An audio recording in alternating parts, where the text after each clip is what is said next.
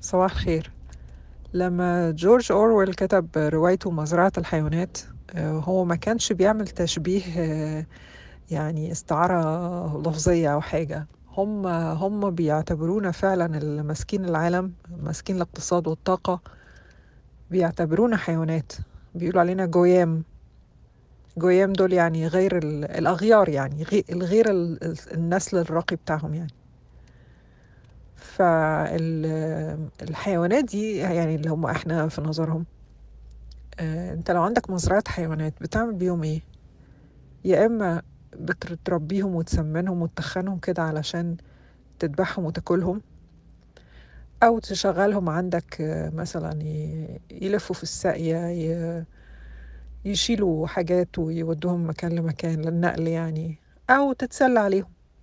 يعني تعمل مثلا مسابقات تعمل آه، تخليهم يتصارعوا مع بعض صراعات ديكة لحد ما يشوفوا الديك اللي يقتل التاني. كده. فهم بيعملوا فينا كده بالظبط. إحنا يا إما آه، بيستغلوا الموهوبين مننا في إن إحنا ننتج لهم حاجات تفيدهم أو آه، اللي اللي هم useless eaters بيقولوا عليهم. الناس دي بي بيوهموهم إنهم عيانين ويدوهم أدوية لحد ما يموتوهم وخلاص ويخلصوا منهم. وفي بقى اللي مش عارفة يخطفوا عيالنا ياكلوهم. زي ما إحنا بنعمل في الحيوانات. ناخد ال- ال- ال- الأطفال البقرة ن- نذبحها وناكلها. بيعملوا فينا بالظبط كده. إحنا مزرعة حيواناتهم. فالناس دي وصلت لأقصى درجة من الملل بقى من اللعبة دي وابتدوا كمان آه، يعملوا ال- ال- التسلية مستوى أعلى شوية بينا اللي هو تحويلنا لكمبيوتر game. يعني حتى هم بيضحكوا علينا إزاي يدونا ال- المنتج اللي هم بيعملوه فينا أو بيخططوا يعملوه فينا نتفرج على مستقبلنا. زي مثلا لعبات زي جي وديترويت مش عارفة اسمها Detroit Be Human أو ح- حاجة زي كده. فاللي عاوز يتفرج على مستقبلنا يشوف الألعاب دي.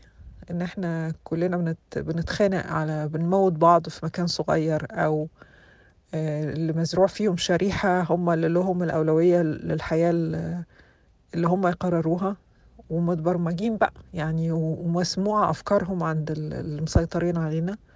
بينما آه، أنا قعدت اتفرجت مع ولادي على ديترويت دي عشان أفهم منهم إيه الموضوع. بينما اللي مش مزروعة فيهم الشريحة بقى متشحورين وهوملس وبيدوروا على أكل في الشارع وكده فاخدين بالكم؟ يعني زي ال- اللي إحنا اللي إحنا قربنا نوصل له يعني.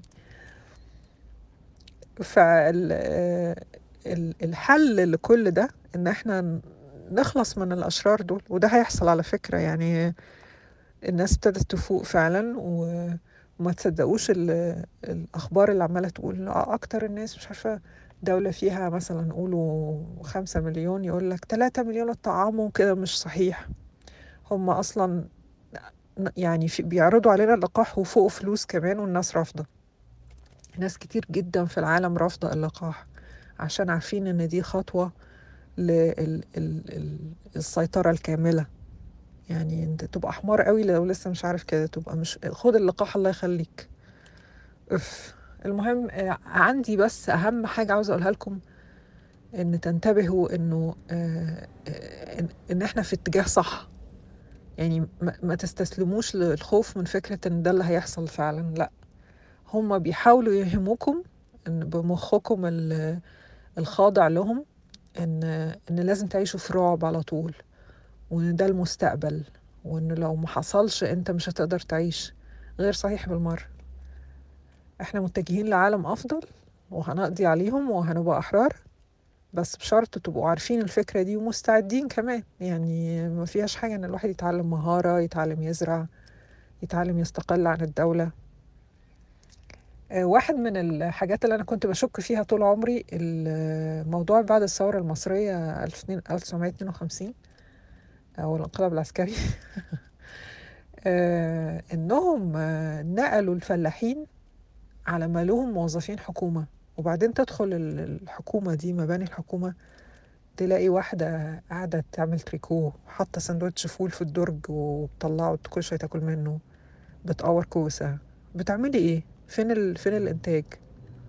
مش أحسن لك كنت تبقي فلاحة في البلد قد الدنيا بت بتزرعي وتحصدي وتعملي فلوس كويسة من من الحلال يعني بدل اللي انت عمالة تهببيه ده في مصر في القاهرة. ف ده مثال على تحويل المواطن نقله من منتج ومستقل عن الدولة ل parasite يعني آه، بيقولوا عليها إيه طفيلي على الدولة ثم القضاء عليه لأنه مش هيقدر ي... نوع من التسلية بيتسلوا علينا. لأنه مش هيقدر يعيش من غير الدولة. ما هو مرتب الدولة ده هو اللي بيشتري له الأكل والكده كل حاجة. بينما هو كان في الأصل كان مستقل وبيجيب لنفسه فلوسه. ودي ده اللي عملوه فينا كخطوة للقضاء علينا في الآخر. فإحنا عايزين نرجع نبقى مستقلين وما ما نبقاش لعبة في إيدهم. أوكي؟ معلش أنا بكرر الكلام كتير الأيام دي علشان يعني يوصل الرسالة توصل. شكرا لحسن استماعكم.